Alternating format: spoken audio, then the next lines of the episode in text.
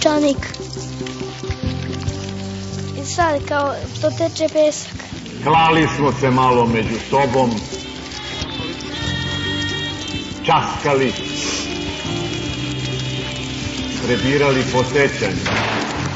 Srbi krenuli za kulturom, sa civilizacijom evropskom, sa modom evropskom. O, leševi srpski! Nacionalizam kod nas nije isto što nacionalizam u Francuskoj. Peščanik. Možete govoriti kao što Francuzi piju za ručak vino, mi smo alkoholičari, mi ne smemo ni kap vina da pijemo. Ajde dalje. Napustimo mračni i sramni Beograd. Iza nas nerazuman lelek nedostojnih, Peščanik. ispred nas ciljevi uzvišeni. Ovdje ljudi još uvijek masovno misle da socijalizam nije tako ređen. Može, treći put vodi pravo u Afriku. Ekonomski uvek, ako hoćemo tamo, onda smo na pravom putu. Iznad nas zver koja nas vodi putevima gospodnjim.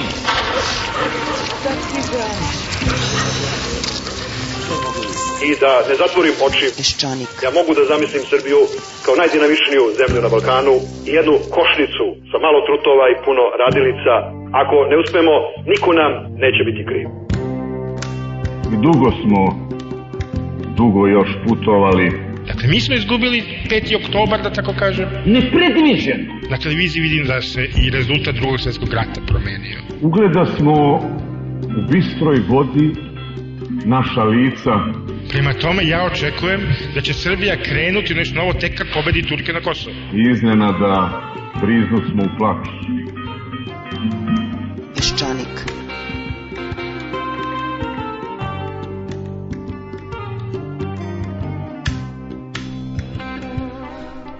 Toliko sam otrovana besom, očajem i i osvetoljubivošću da nisam sposobna iskreno da vam kažem dobar dan, poštovani slušalci. Đinđićeva smrt i ovaj užas u Iraku su me potpuno dezorijantisali, a do pre dve, dve ili tri nedelje sam, kao i većina nas, bila ponosna što sam se dosetila jeftine mudrosti, nikome ne verovati, ni za šta se ne uhvatiti, ništa ne uzimati za ozbiljno. Jalova mudrost kojom se ne stiže daleko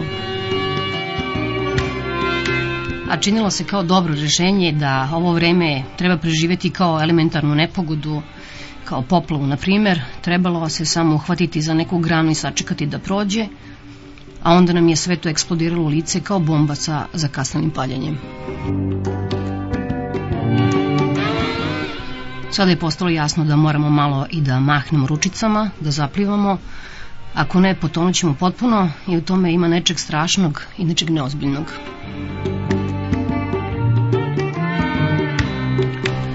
Poljski disident Kazimierz Brandis ima priču o vozu koji je mnogo kasniji. On kaže, čekao sam voz kao što se na selu čeka letnja kiša. Ako sam išta zahtevao, zahtevao sam to od samoga sebe, neku unutrašnju ovladanost, mir i strpljenje.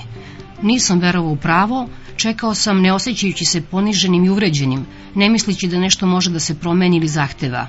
Želao sam jedino da sačuvam lično dostojanstvo i nekakvu čast u odnosu prema mraku i pustoši.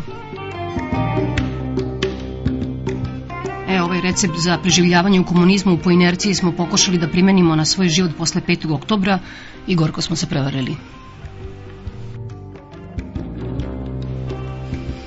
Dušan Makavejev u današnjem intervju danas kaže da je Srbija sada kao udovica koja još uvijek postavlja sto za dvoje. O tome će u današnjem peščaniku, takvim stvarima govoriti gospođa Vesna Pešić, ali pre toga nešto drugačiji tonovi. Slušate Dušana Pavlovića iz instituta G17. A, gospodin Pavlović se vratio iz Nemačke pre par dana, ima problem da shvati šta je ovim ljudima ovde, zašto plaču za Zoranom Đinđićem.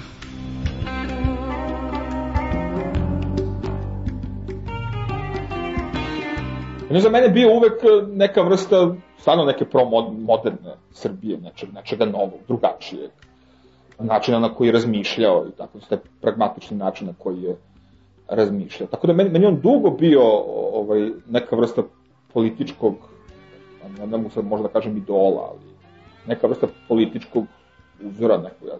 Tako da mogu da kažem, znači neki moj deo te političke mladosti, on je zaista to bio obeležio. Sada je bio još student, tako dalje, 91. 92.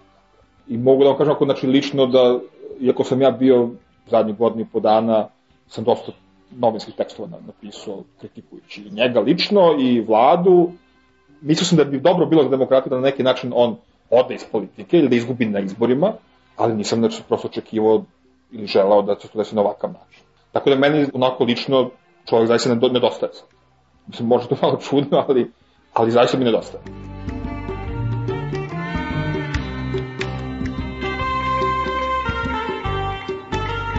Kad se radi o tom dilu sa Legijom, sa mafijom, ja, kad vidim šta je alternativa bila tome, ja lično imam puno razumevanja za to i u stvari ne da imam samo puno razumevanja, nego opravdavam to. Znači, ja mislim da bi ja takođe postupio u situaciji, mislim da imam dobre razloge zašto bi to uradio i mislim da on imao dobre razloge zašto je to uradio. Tako da to je, to je sve u redu. To je znači očigledno bila ta vrsta dila da je vlada okretala glavu.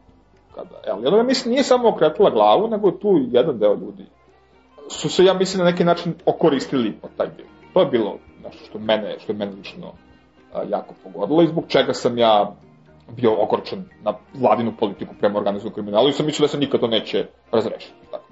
E, znači, očigledno u jednom trenutku je on rešio da, da se to sve prekine i to je znači morao da zna, znači kada iz toga izlazi, a kako, iz toga, kako se iz toga izlazi. Znači, nije to sad ja izlazim iz bioskopa, napuštam film, pa niko neće da me pita što napuštam film, to je moja lična stvar. Da. Možda budeš malo prezniji kada izlaziš toga. Znači, ja mislim da je u stvari on na neki način zaustavio taj metak koji treba da pogodi sve nas 5. oktobra. Taj metak je u stvari već bio ispaljen, on je leteo već, ne znam, 4. oktobra ili 5. oktobra ujutro, nije bitno. Znači on je na neki način se u stvari namestio kao štit za sve nas. Zašto je on to uradio, koji su bili njegovi motivi da to uradi, to je već drugo pitanje. Da li on to uradio jer je mislio da je to moralno ispravno i da on je čovek koji hoće da se žrtvuje, vjerojatno ima jedan deo ljudi koji misli tako, i to bi uradio u bilo kom trenutku, znači za svoj narod, a postoji drugo, znači da je, on, da je to bila neka vrsta rizika, neka vrsta kocke. Mislim, ali to nije bila obična kocka u smislu kad vi, kad vi dođete u kazino sa 1000 dolara, vi izgubite 1000 dolara pa ćete da ih zaradite. To je, znači, ovo je bila kocka u stvari neka vrsta buruškog ruleta, da je ulog bio živ. Znači, za razliku od Koštunice koji čovjek koji nije s tom riziku, Zoran Đinđić je bio čovjek koji se nije plašio rizika. To, to je takva vrsta kocka. Znači, tom objašnjenju sam ja sklon. Ja, ja ne, ne verujem da je on bio takva vrsta majke Tereze koji je bio spreman da iz moralnih razloga podnese bol za sve. Znači, moralna motivacija da on se žrtvuje za sve nas, bez nikakve znači, reference na bilo kakvu korist je jedna stvar, jedno objašnjenje, koje ja recimo lično ne prihvatam, i drugo objašnjenje da je on prosto znači, za sebe video šansu da posle dobije mesto u istoriji kao najveći srpski reformator. Sad ga neće dobiti. Pa ja mislim da neće. Ja sumnjam da će ga dobiti.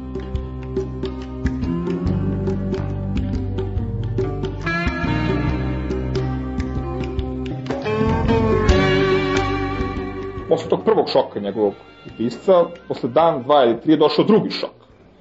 A to je ponavljanje priče Titovim putem.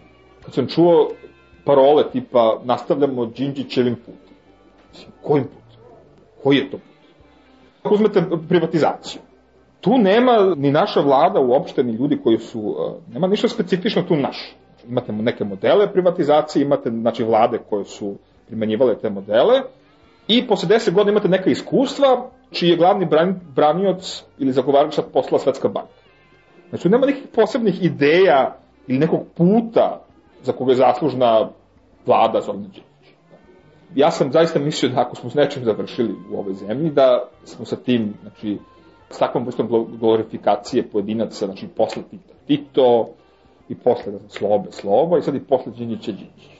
Ali, ako sam ja dobro, ako dobro percipiram stvari, mislim da je malo se sa tom pričom sada, da se ona vrlo brzo istrošila. Tako, tako da više nemate, zaista, ljudi koji daju onakve patetične izjave tipa Žarka Koraća, govorio mi je pusti detalj, gledaj širu sliku. To tako patetično kaže, kao da je sada to, ne znam, otkrio toplu vodu. Zoran Đinjić što mu je to rekao.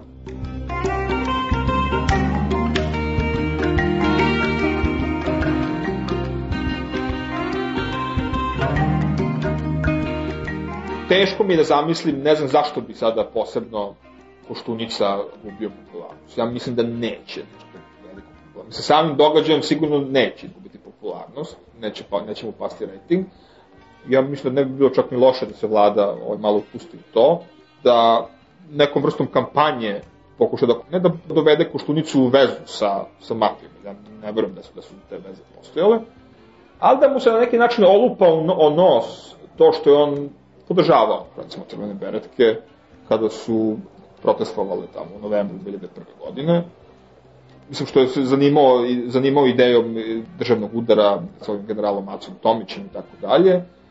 I što je uopšte znači, bio čovek koji je bio spreman da podrži bilo šta samo ukoliko je to bilo kontra Đinđića i njegove vlade. Tako da ne bi loše da, da, se, da se javnost malo osvesti, da se, da se sruši taj mit o Koštunice kao legalisti. Legalista on podržava štrajk bezbednostnih snaga. To nijedan legalista ne može da kaže. U njegovom kabinetu se dolaze ljudi sa najviše vojnih položaja koji razgovaraju o, o državnom udaru i ništa. On tu sedi i pije zajedno sa njim. Ne bi bilo loše da mu se to malo ovaj, natarija na nos i da ukoliko vlada bile, bude bila sposobna da, ili DOS, ajde, DOS, bolje, bude bio sposoban da to, da to uradi, onda bi možda mogla ta popularnost njegova malo da, da opadne. Ali ja, pravo da kažem, suštinski ne verujem da će tu nešto da se mnogo promeni kad se ovo sve, znate, tu postoje mnogo ti efekti koji su, znači, neposredno posle atentata, to će da traje na dva meseca, izbori ako budu došli tek u decembru 2004. Verovatno bi DOS imao mnogo više izgleda da obnovi svoju popularnost ukoliko bi odmah raspisao sad izbor. E sad je došao ponoven trenutak, znači kada je DOS opet se vratio, ja mislim vratio se na one pozicije koje imao 6. oktobra i to će opet da se istroši.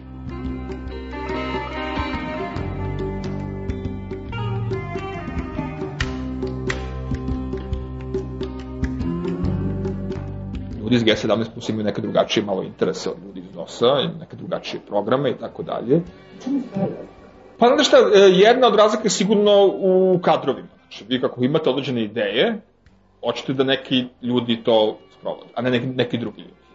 Razlozi su jednim delom bili ti zašto je to, zašto je G17 pretvorena u stranku i zbog toga što je dobrim delom vremenski je, su ljudi iz G17 plus počeli da se osjećaju ugroženi vremenom je polako došlo, znači da se neki ljudi istiskuju, da im se preti, da, da se jednostavno polako znači, uklanju. Prosto takođe bilo logično da je G17 plus pokušao na neki način da zaštiti svoje pozicije, tako što će sad da se, da se transformiše u stranku. Na izborima će da ima ovdje broj poslanika, ti poslanici će da, da garantuju mesta svojim ministrima. Sad da imali malo situaciju da imate znači, jednu interesnu grupaciju koja ima političke neke ciljeve, ili ekonomske, koji ima ministre u vladi, a nema podršku u parlamentu koji će da te ministre brane. I kada uzmete otprilike ta dva razloga, vidjet ćete da mnogo razlika tu u stvari ne, ne prostaje. Između DOS, znači govorim, znači DOS minus DSS i, i G17+. Ja mislim da nije mnogo strašno ni sa, sa ta dva, kažemo, sa ta dva igrača ili sa te dve ne znam, struje, pa još da tu u sredinu dođe i, i DSS. Ja mislim da to nije mnogo, mnogo strašno i mislim da je bez obzira znači šta, kakve, recimo ja lično imam mišljenje o DSS-u kao, re, kao reformskoj stranci, ja mislim da to stranka ipak koja je za demokratske procese značajna. Dakle, mislim da demokratska stranka Srbije nije u neka velika po, po demokratski razvoj, ali recimo kada se vratimo još malo na Zorana Đinjića, mislim da on tu bio, da je tu bila obrnuta proporcija. Znači, on je bio čovek koji je bio za reforme institucija vrlo uh, se znači, bio zalagao jednom, znači, to je određene tačke, ali za demokratski proces nije bio baš čovek nekog kapaciteta. E, kad se uopšte gleda, znači, lik i delo Zorana Đinđića, da je on u stvari bio neka vrsta modernizatora, to recimo moja ocena, znači modernizatora s autoritarnim tendencijama. Zaista, zaista hteo da modernizuje Srbiju, da je, znači, da, da sredi poradski sistem, da izvrši reformu državne uprave, da krene u integraciju sa Evropskom unijom. Ali čovek koji je, znači, mislio da je u ime tih ciljeva dovoljno žrtvovati neke demokratske principe. To nije demokratsko. Peščanik.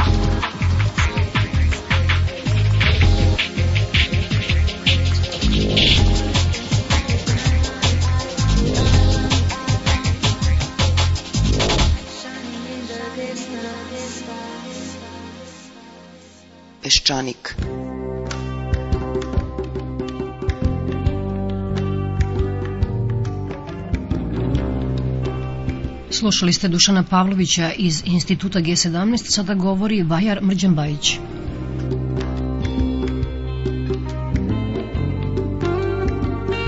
Prosto taj trenutak ima nekakvu antičku tragičnost u sebi. To zlo uvek nekako prokleto pobeđu. Tako da mislim je to otrežnjenje onako užasno jako i nekako su opet isplivale belodane sve svi ti činioci te naše drame onako su se pokazali u jednoj jasnoći, mislim, potpuno. Recimo sad ova priča sa Stambolićem, to je nešto što smo svi znali. Svako normalan je znao da je ovaj bračni par u jednom trenutku minimalno mora da izgovori učinite to ako morate. To je minimum što su, ili su oni baš i zamislili pa realizovali. Ali nekako je to bilo virtualno. Onog trenutka kad se suočimo sa tim kostima, sa tim patikama, prosto se pojavio taj neka nesnosni užas. I mislim da će to prosto morati sad u svim segmentima da se desi. Da vidimo sad taj nakit koji je nosila ta pevačica, zbog koga neko ubijen, da vidimo mi sad, mislim, nadam se da se neće zaustaviti, nadam se da to sad neće biti samo, mislim, nekakav period koji smo opet morali da istrpimo da bismo se opet vratili u nekakvu letargiju.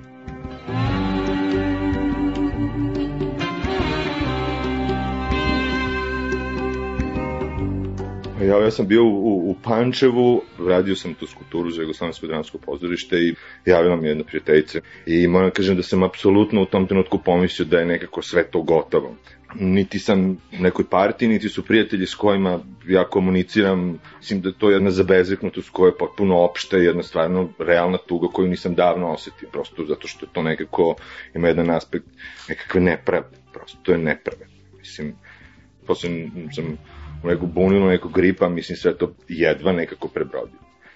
Moram da kažem, iako ovako teorijski, kad bi mi neko rekao da sad aminujem varedno stanje, bi mi to neko rekao pre par meseci, rekao bi da je dosta lud, ali nekako sad, kao posledica toga, mislim, kad vidite šta sve isplivava sada, mislim, kad vidite sad tu količinu oružja koju ljudi predaju, kad vidite sad, mislim da ono kao ima više zolja u kućama nego fikusa, mislim, ono stvarno, ne, ne možete da verujete i, i pomislite da kao to što smo svi polo ludi, u stvari je super, obzirom da bi trebali da budemo potpuno ludi, obzirom na sve to oko. To je sad ona priča o krženoj pušci u komadu, mislim, to je neko imao spremno, nije to, nisu to ljudi čuvali za zimnicu, nego su čuvali da upotrebe. I to kako je to bilo slepljeno sa tim takozvanim patriotizmom i kako se to sad prosto mora prisilno da se razdvoji i prosto ne možete zamisliti funkcionisanje tih ljudi, to sad kao okupe se njih petorica i sad kao dobiju po 20, to su realne, kako želim, životne situacije, mislim, koji su oni mrtvi ladni, ono, kao opošljavali. Ja ipak nekako možda i naivno zamišljam da svaki čovjek gradi sebi nekakav moralni kod. Kako že ne vrem da ih u sebi prizna kao ja sam truli zločinac. Nije ni čudo što se samo što mu je skočio pritisak što se razbolao, mislim, zato što sad ta priča o tome kako jedan narod je bio ugrožen, mislim, i kako je on baš zastupnik tog naroda koga su svi tlačili, to više ne pije vodu, pošto on prosto je očigledno debelo prekoračio. To sad neko nekog da ubedi da je jedan predsednik države ubijen, a da to drugi predsednik države, njegov bivši prijatelj, nije bio obavešten o tome, to je potpuno apsolutno nemoguća priča. Znači, dakle, njemu sad na čelu piše, ja sam to naredio, mislim, te lokalne male priče na kojima će on da preskače sad svedoki, tako da je to prosto je sad šaljivo.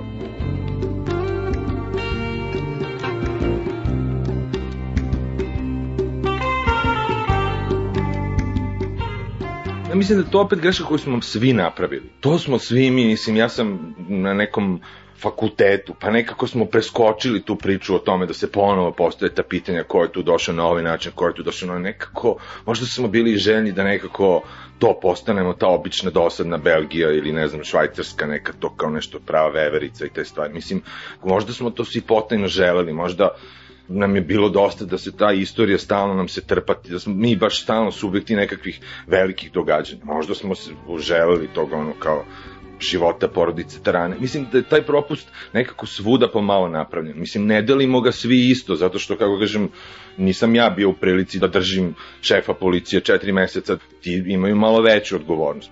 Ali samo hoću naglasiti da mislim da smo svi pomalo tu nekako smo stali. A šta sad, neka taj pink, ajde, kao, nema veze. I sve je to nekako postalo bolno isto, mislim, odnosno tužno isto. E sad se nekako opet vidim da su dosta rešeni neki ljudi iz političkog vrha da se ta pitanja ponovo postave koliko ja imam komunikaciju, ljudi su mrtvi srećni što se ovo, mislim, da doživite to da vas policajac zaustavi, traži na ličnu kartu, stojite 10 minuta i niste besni na njega, to mi je isto jako novo osjećam.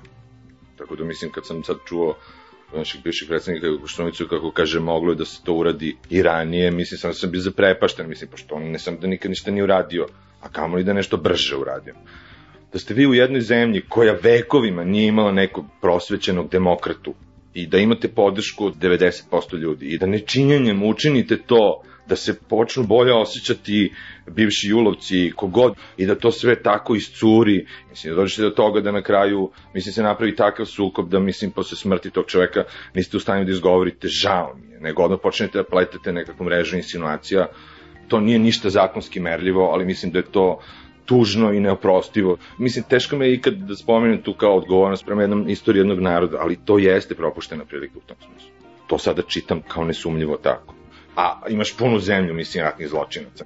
I sad, jedini signal koji ti šalješ je proceduralna zamerka na osnivanje tog suda. I jasan je to signal, niko nije baš toliko glup u ovoj zemlji da ne razume da time šalješ poruku da u stvari tamo ne treba ići. Nikom dlaka z glave nije Od gospodina Bojića, mislim, koji uredno sad, mislim, ono, na osnovu tog imuniteta dobio, mislim, te pare koje nije upotrebio na citostatike, do, mislim, koga god hoćete, koga god se setite, dlaka mu z glave nije, nije falila, Pa evo i sada, mislim, posle svih tih jasnih indicija, mislim, naš bivši predsednik u Hagu, mislim, se žali kako mu maltretiraju porodicu. Ma nemoj. Ne, nego neće. Nego će sad i puste na miru.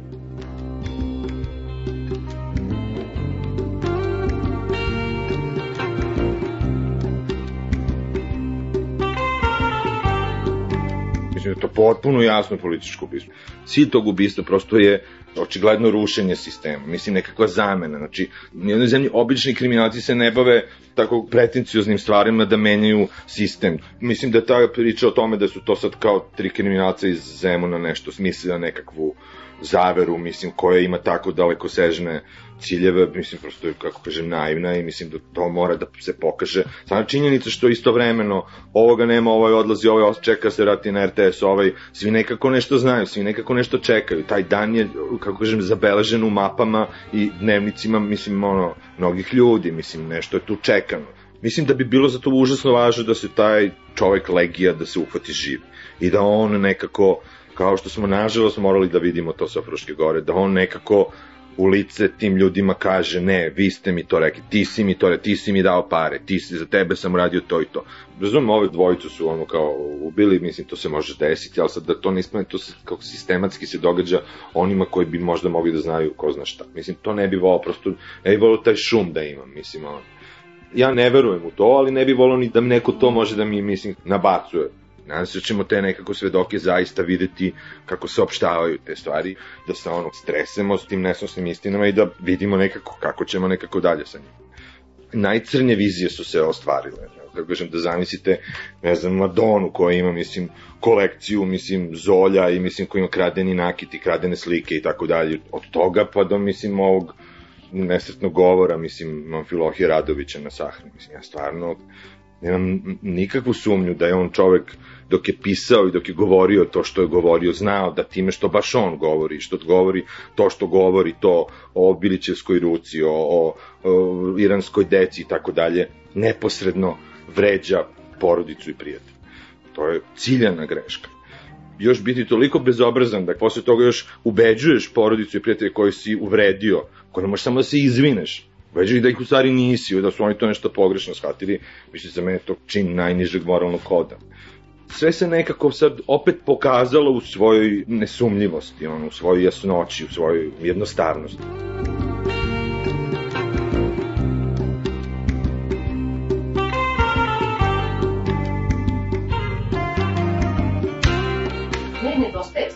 Ma nedostaje mi, kako kažem, nedostaje mi to u svakom smislu, čak i ono što mi je možda nekad smetalo, što mi je ne, možda malo i nerviralo, što sam mislio možda i da je onako drmanje na prazno, ali nekako to jeste bila nekakva vodilja ovde, mislim, to jeste imalo jedan smer sasvim određen, sasvim jasan i sasvim direktan, teško mi je da zamislim, kako kažem, jednog toliko inteligentnog čoveka, mislim, koji ima sposobnosti da vodi o, ovakav narod.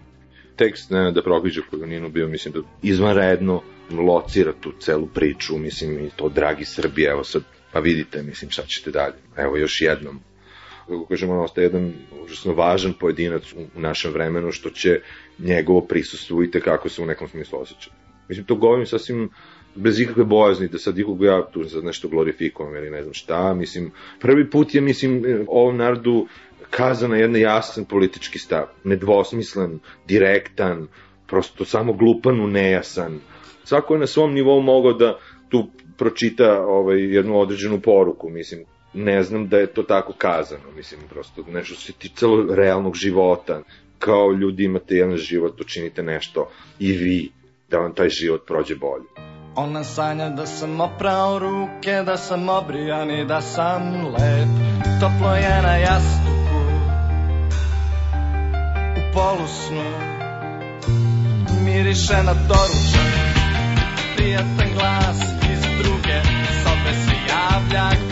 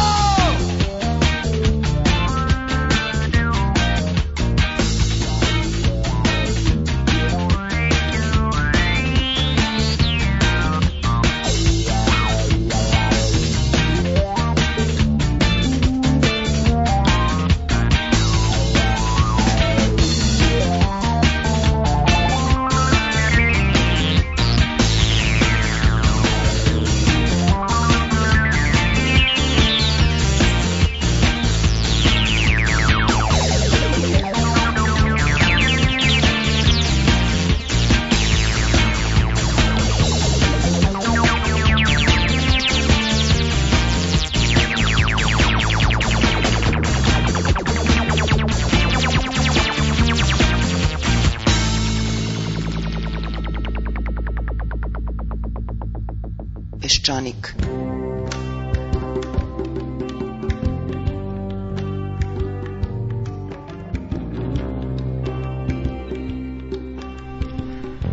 Govori naš ambasador u Meksiku, gospođa Vesna Pešić.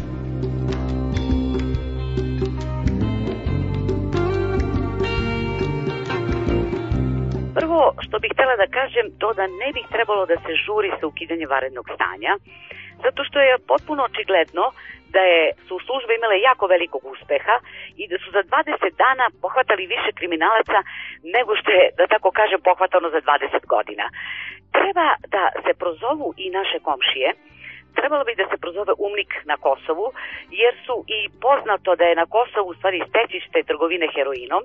Zatim treba da se, pozove, da se prozove i Hrvatska, jer su oni poznati kao šverceri cigareta i oružjem. Bosna i Hercegovina, Republika Srpska, a naravno i Crna Gora, zato što u stvari ja mislim da ova akcija ne može da se zadrži samo na našem prostoru, nego mora da bude regionalna. Međutim, ono što verovatno vas, Svetlana, više interesuje, to je da pokažemo i da razumemo kakva je to druga neka linija koju ja obično zovem političkom linijom. Prvo mora da se poveže i pohvata politička linija koja je vodila do vrha bivše vlasti, odnosno do same porodice Milošević.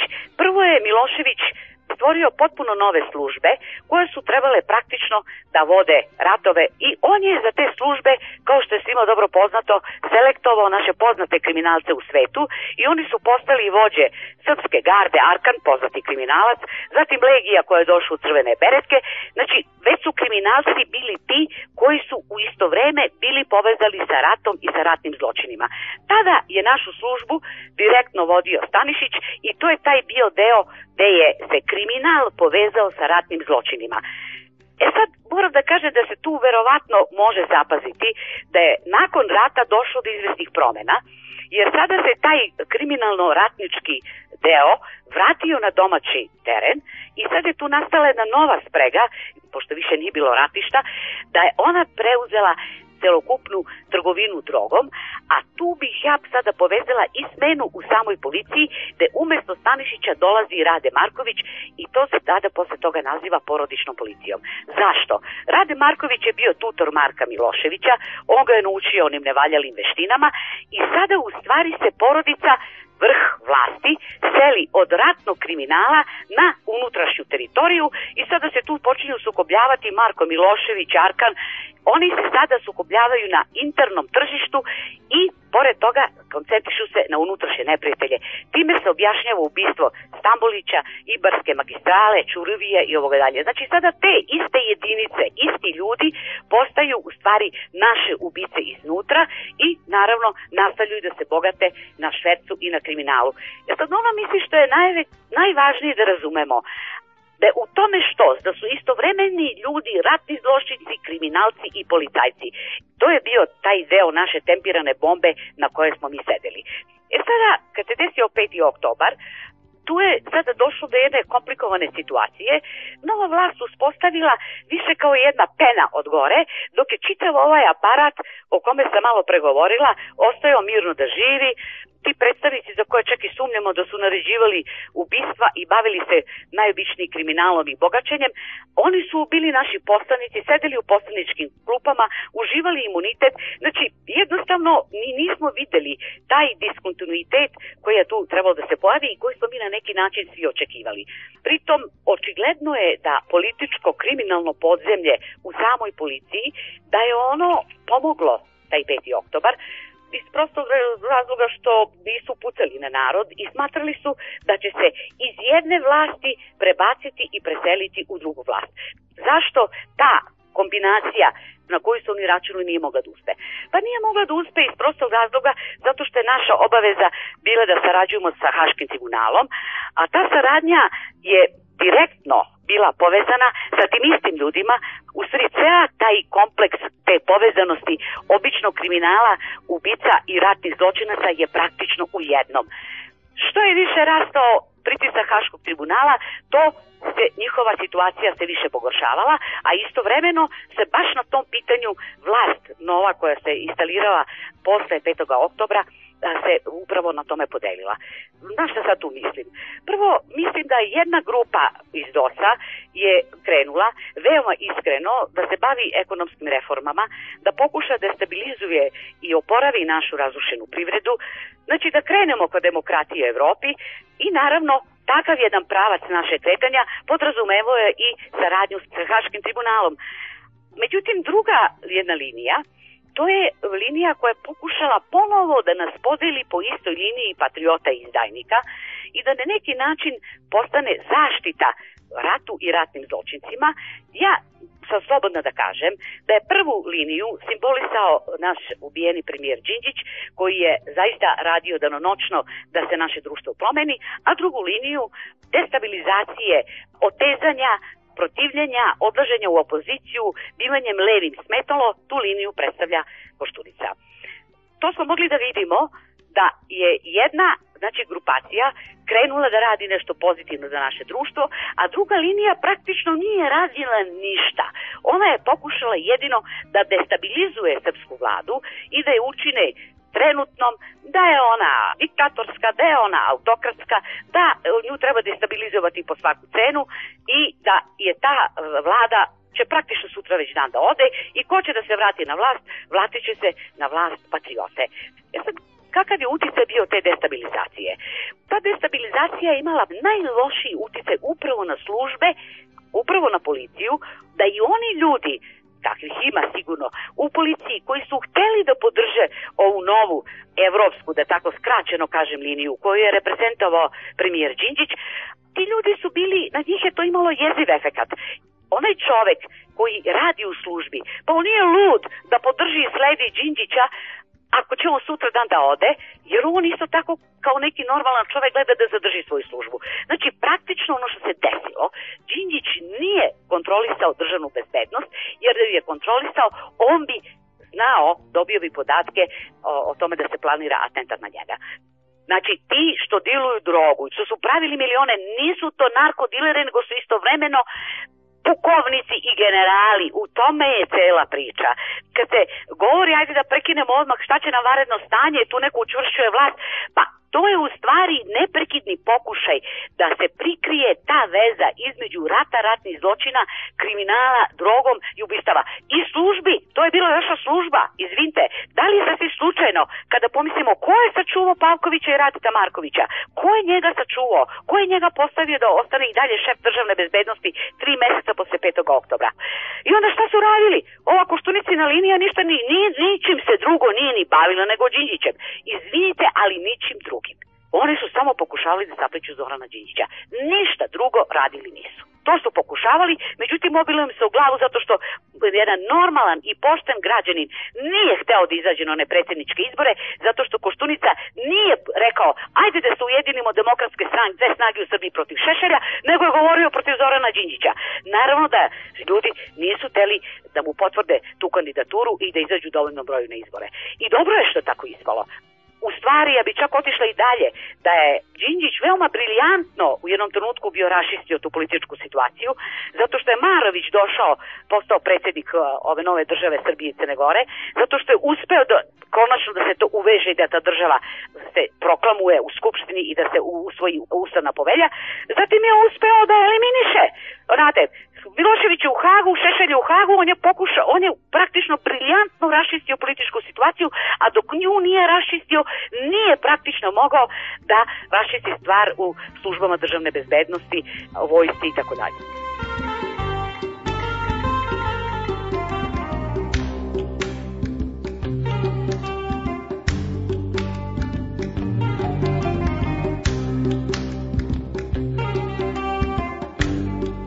I sada, kada se analizira šta i koje takve izjave ko daje, onda prosto možemo da vidimo Koštunica i sada u poslednjim intervjuima prvo je bio protiv vanrednog stanja.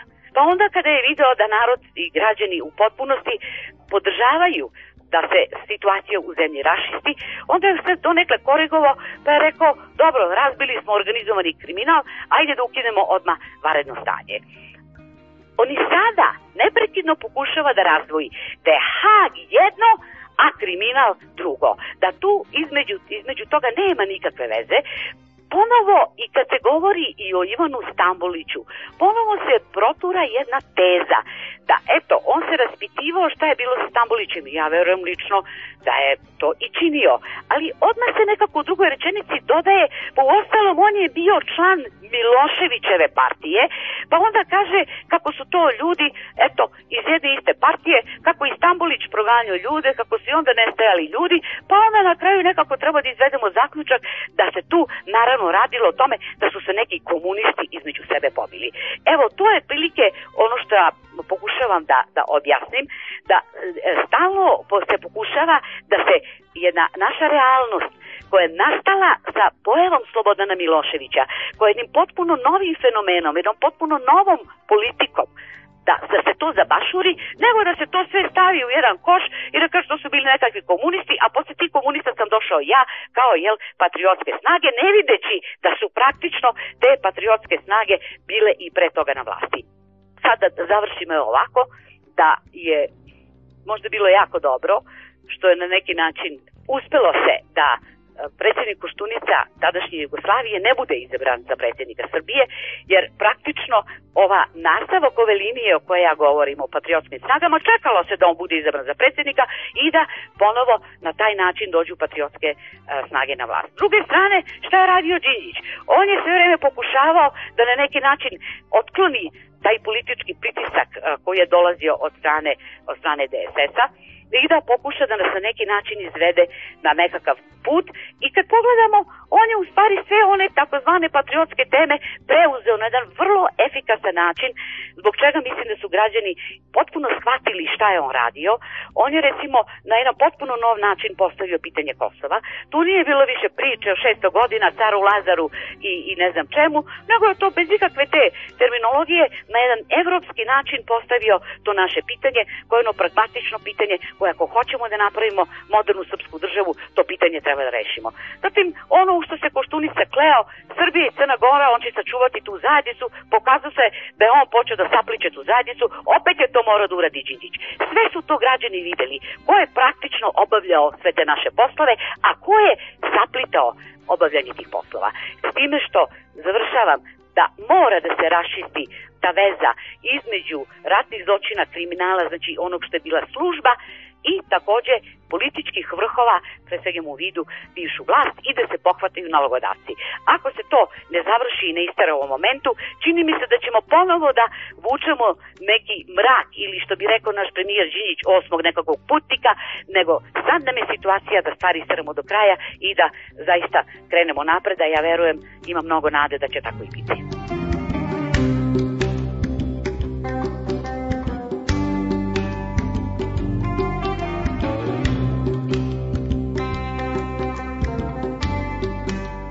Ja tog jutra u Meksiku, kad sam čula da je ubijen Zoran Đinđić, ja ne znam da li mi je bilo nekad u životu teže. Prosto sam bila u potpunom šoku i u potpunom očajanju. Članak koji sam pisala za dana, zaista sam ga u suzama pisala sve vreme i mogu da vam kažem da evo koliko već prošlo vremena, da se ja budim s time da je Zoran ubijen i da njega više nema i da nekako tu činjenicu ne mogu da prihvatim. Jednostavno prošlo je neko vreme Pa nije mi bio rođeni brat, bio mi je prijatelj i saradnik, ali ne mogu da ga prežalim. Jednostavno ne mogu da zamislim da njega više nema i ono što je mene užasno potreslo i ohrabrilo, to je što sam e, tada ja ovde u Meksiku, kad sam se tako osjećala, odjedare dosetila da sam pripadnik celog tog našeg društva kada sam videla koliko su naši građani to doživeli i kako su to doživeli. I kada sam videla one povorke i kad su se moji iz moje porodice javili, da im nije uopšte bilo važno da su oni blizu ili daleko u toj povorci, da jednostavno niko nije hteo da izostane i da ne bude tamo, ja sam prosto onda još više, kako da kažem, pala u žalost, ali istovremeno sam se nekako pomislila sam, pa zar to nije neki putokaz za nas? Zar ti naši građani nisu pokazali koliko su osetili taj trenutak, koliko su shvatili šta je za nas značio Zoran Đinđić, da su imali jednog briljantnog političara koji je stvarno pokušao da učini za Srbiju i za sve nas i koji su to tako dobro razumeli, imam osjećaj da to stanje, isto kako se ja osjećam u Meksiku, da se sa nekom grudvom ujutru budim i ležem i da, da sanjam prosto sve to neprekidno, da imam utisak da, da je to moje osjećanje, da ga delim sa našim drugim građanima. Ja sam tu u stvari Svetana najviše vola da kažem, da za mene to još uvek nije prošlo, da nikako više ne, ne mogu da doživim da je to nekakva naša istorija, ubistvo premijera Đinđića, nego da je to još uvek naš taj isti dan i da prosto mi je veoma teško da ga smestimo i ocenjujemo na nekakav objektivan i istorijski način, zato što smo još uvek emotivno sa svim potreseni i nismo se povratili. Pa eto ta činjenica je možda ta neka moja nada da će i ova situacija koju sam pokušala da objasnim i objašnjavam ovako iz daleka više analitički, da vidim ko je ko i ko je šta radio, ali to osjećanje će i dalje da nas vodi. I naravno i ovi ljudi koji su sada na mestu Zorana Đinđića, ja imam poverenje u njih zato što će i oni na toj emociji svih nas da vode dalje i da, da upravljaju državom. Da vam kažem, Zoran Đinjić radi i posle smrti. Prvo, ja to kad kažem, opet se užasnem da, da njega nema. Zaista je on radi i dalje to je ta njegova nevjerovatna energija, jer da se ne varamo, znate, mi smo malo lenčuge, mi smo ljudi koji volimo da se zapustimo, mi više volimo da sedimo i da preklapamo, ali Zora nije bio takav, pa jeste, eto, i posle smrti on radi za nas, svi smo se nekako probudili, svi smo se trgli, evo samo da vam u šali sad kažem, pošto je Meksiko jedna država koja ima jako mnogo kriminala i on je povezan takođe sa državnim organima, ali to je tradicija Latinske Amerike, kada prate šta sada rade naše službe, Oni meni kažu, pa može malo srpska policija da dođe kod nas? Hoću da kažem da jeste, stvarno, ne samo ovo što smo do sada uradili, nego i što ćemo tek da uradimo. Ja mislim da mora da se baš onako, kako bi to i Zora radio, da napravi jedan vrlo konkretan plan i kad se obustavi varedno stanje, kako ćemo dalje da radimo da se od te bombe na koje smo sedili da nam se ni delić njen više ne vrati posle toga. Jeste, žalosno je da kažemo, jeste, mi smo se osvestili, to je postala jedna nova šansa, drugi ljudi, ljudi su počeli različito da misle o tome, ko je ko u toj politici, šta je bila u stvari prava uloga Slobodana Miloševića i njegove žene. Znači, sve se to sada razotkriva i sve to, to što je, eto, ta smrt Zoranova proizvela, pa i proizvela i neku nadu da ćemo zaista u budućnosti živeti bolje i da će Srbija da se sredi i da postane jedna normalna i moderna država, ali eto ta cena je ogromna i svi smo svesni te cene i nekako nećemo da dozvolimo da ta cena pojeftini i da ona nekako više nema taj utice pozitivni koji ima sve vreme na sve nas. Peščanik